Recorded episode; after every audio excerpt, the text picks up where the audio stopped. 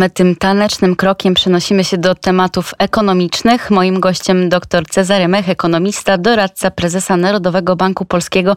Dzień dobry panu. Witam Państwa serdecznie. W ostatnich miesiącach inflacja jest y, no, bezapel bezapelacyjnie ekonomicznym tematem numer jeden. E, chyba nie bez przyczyny, bo e, osiągnęła największy poziom od 20 lat. E, jaka jest według Pana recepta na inflację? Bo jak rozumiem, podwyższenie środowe, podwyższenie stóp procentowych na nią nie wpłynie.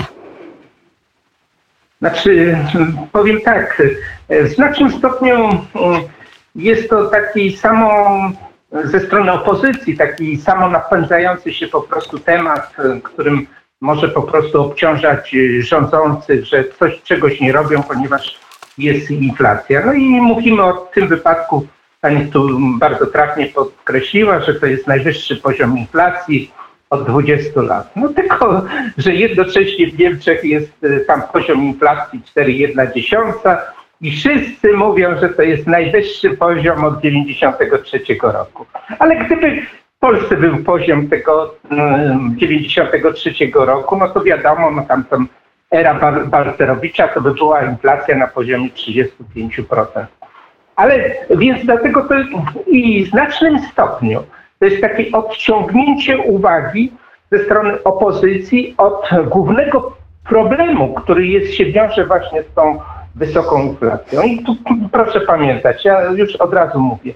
31 październik e, e, to jest, będzie Glasgow, będzie konferencja mm, klimatyczna. O jednym z tych kluczowych elementów związanych powiedzmy z taką strukturalną inflacją, problemami inflacyjnymi, które będą przez powiedzmy trapiły, można powiedzieć, cały świat e, w dłuższym okresie czasu niż ten szok covidowy, no to jest związane z tym, że świat postanowił, e, ludzie postanowili zbawić, ale nie siebie, ale e, oszczędzić po prostu świat.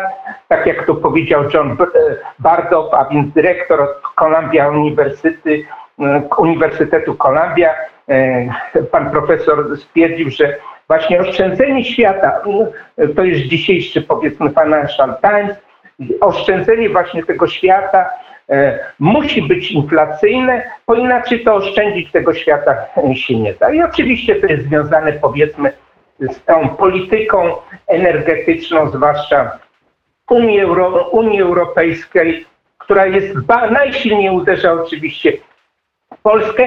Jeśli się przechodzi na nośniki energii, które są drogie, no to oczywiście w tym wypadku e, wszystko musi więcej e, kosztować.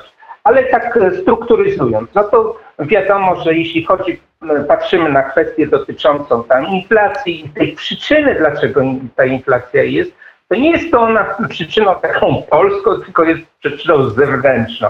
W głównej mierze to jest pandemia, no i związane wszelkiego typu pakiety tutaj pomocowe, które zostały wydatkowane. No, w efekcie e, ludzie też trzymali się z zakupami. W efekcie w takich Stanach Zjednoczonych, no to ludzie mają przeciętnie więcej niż powinni mieć zwykle o 3,5 biliona e, dolarów e, więcej. No to jest olbrzymia kwota, to jest mm, porównaniu tam PKB 20, 20 bilionów e, dolarów. To oczywiście ta konsumpcja w chwili odmrożenia gospodarki musiała się e, przełożyć. Efekcie, czyli, czyli, rozumiem, że, czyli rozumiem, że nie ma się czym martwić, tak? Można trochę wywnioskować z tego, co pan mówi, że ta inflacja jest naturalnym zjawiskiem w tej sytuacji. Znaczy tą, o której wspominam, to, to znaczy takiej, która spowodowała tam wzrost po prostu wszystkich surowców o 20%. Mm, Jeśli chodzi o żywność, tam na świecie mówię 40%, która się wlewa też, to zapotrzebowanie na produkcję, które też powoduje eksport polski i tak dalej, to można by powiedzieć, że to jest jakiś taki e, inflacja taka przejściowa, która w pewnym momencie powiedzmy się wypali, i ona wróci e, e, do e, chwili, kiedy ta gospodarka się znormalizuje. Ta jednak, o której wspominam, a więc ta, która jest spowodowana przez działania Unii Europejskiej, ona to jest bardzo poważny problem. Bo zauważmy, Unia Europejska postanowiła tu przyspieszyć procesy dotyczące odchodzenia od węgla, a więc de facto wyindukowała potężny kryzys energetyczny, który mamy obecnie. Pamiętamy, ropa naftowa e, kosztuje, jest o 10-90% droższa. Czterokrotnie, pięciokrotnie wyższe są e, ceny gazu, ponieważ e, to stwierdzono, że to jest paliwo bardziej ekologiczne, takie przejściowe, które będzie. Zredukowała w efekcie emisję certyfikatów o, i postanowiła, że teraz, od teraz będzie ona o 50% ta, ta, ta emisja, powiedzmy ten spadek e, tych, tej emisji certyfikatów, pozwoleń będzie powiedzmy mniejszy, a więc że o 4 my mamy po prostu spożywać tej energii takiej z, związanej z CO2 o 4,2 procent mniej rok do roku. Przecież jeśli my planujemy, gdzieś, a energia się przekłada na wszystko, jeśli my planujemy zmniejszyć to, e, te zakupy powiedzmy o 4, 4% e, no to w tym momencie tak, tak naprawdę oznacza to, że zgadzamy się na to, żeby e, te ceny wzrosły o 5% w takim ujęciu, neutralnym. I to oczywiście ma olbrzymie reperkusje, powiedzmy, inflacyjne, ale jest związane z tym, że my planujemy mniej po prostu konsumować y, i, i, mm, i produkować, e, produkować drożej. Problem w przypadku Polski jest jeden kluczowy. My jesteśmy na ósmym miejscu. My jesteśmy najbardziej dotknięci ze wszystkich krajów Unii Europejskiej i to całe zamieszanie, mówienie o inflacji, mówienie o tym niepraworządności ma zakryć tak naprawdę ten problem. My jesteśmy najbardziej uzależnieni od wydobycia węgla, który jest naszym bogactwem na, narodowym. Ale w związku z tym, że my musimy za ten węgiel że jeśli go spalimy, musimy dopłacać za jedną tam tonę CO2 60 euro, a więc co wzrosło powiedzmy 10 krotnie, to te rachunki są coraz i coraz e, większe i my, więc to ten problem tak naprawdę to za chwilę dopiero obejrzymy po prostu w tych rachunkach, jakie będziemy mieli za gaz i jakie będziemy mieli za energię elektryczną. My jesteśmy na ósmym miejscu od końca, jeśli chodzi o uzależnienie od, od węgla. To jest 70% powiedzmy, 70%, tak to nawet Chiny mają powiedzmy 60, 60%.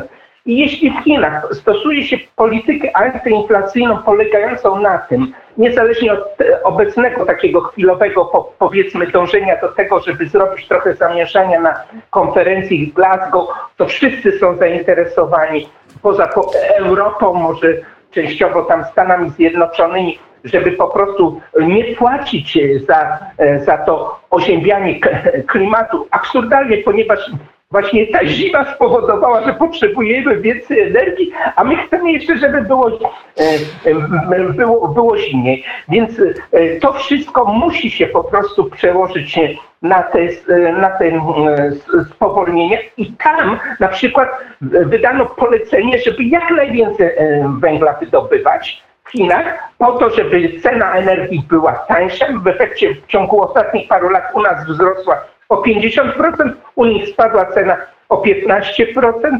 To będzie miało szerokie reperkusje, nie tylko inflacyjne, ale i gospodarcze. Czyli według Pana inflacja będzie nadal rosła, bo niektórzy wskazują, że będzie nawet dwucyfrowa. Pojawiają się takie głosy, prognozy. Znaczy, tych przed, paru, przed paroma dniami tam e, powiedzmy banki komercyjne w Polsce mm, prezentowały sobie projekcje, żadne nie pokazywały po prostu dwucyfrowej, mówiły raczej o tym, że e, w najbliższym czasie właśnie z powodu e, tego, że, że, że my będziemy musieli zapłacić więcej za, za gaz, za, za prąd, e, te rachunki będą powiedzmy nasze rosły, a więc ta inflacja, na, na którą nie mamy żadnego powiedzmy wpływu, bo jest związana z polityką, można powiedzieć, Unii Europejskiej, będzie ona występowała. Później będzie okres, powiedzmy, e, takiego zmniejszenia inflacji, e, który jednak będzie trwał dłużej niż e, do końca, powiedzmy, przyszłego roku. Nie miejmy z tego problemy, które mamy obecnie, my nie uciekniemy, bo tak jak profesor John Bartol powiedzmy tutaj się wyraził, my, my będąc tym krajem najbardziej dotknięty na ten problem strukturalny nacisków Unii Europejskiej, my z jednej strony będziemy musieli płacić więcej za energię elektryczną, a która się przekłada na wszystkie inne powiedzmy produkty, a z drugiej strony będziemy krajem bardzo silnie doświadczonym, ponieważ nasza konkurencyjność produkcji po prostu będzie malała.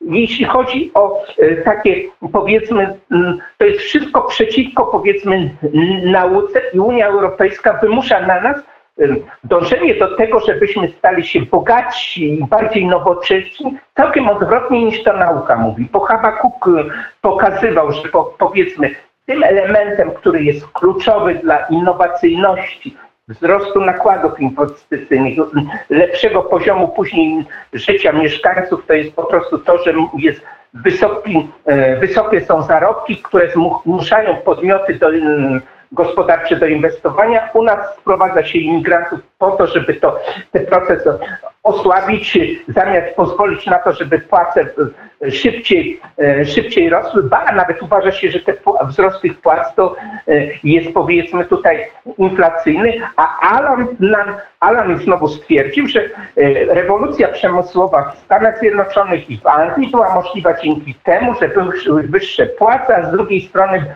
były tanie źródła energii. My chcemy to dojść do, i dogonić inne kraje stosując inne metody. Dlatego też problem jest poważniejszy, ale moim zdaniem on jest Dobrze by było, gdyby opozycja, powiedzmy, i tutaj też ekonomiści, którzy e, analizują te wszystkie procesy, bardziej zajęli się po prostu tymi pomysłami Unii Europejskiej, które cofają nie tylko po prostu w tym rozwoju cywilizacyjnym e, tutaj e, Polskę, ale i, i całą Europę.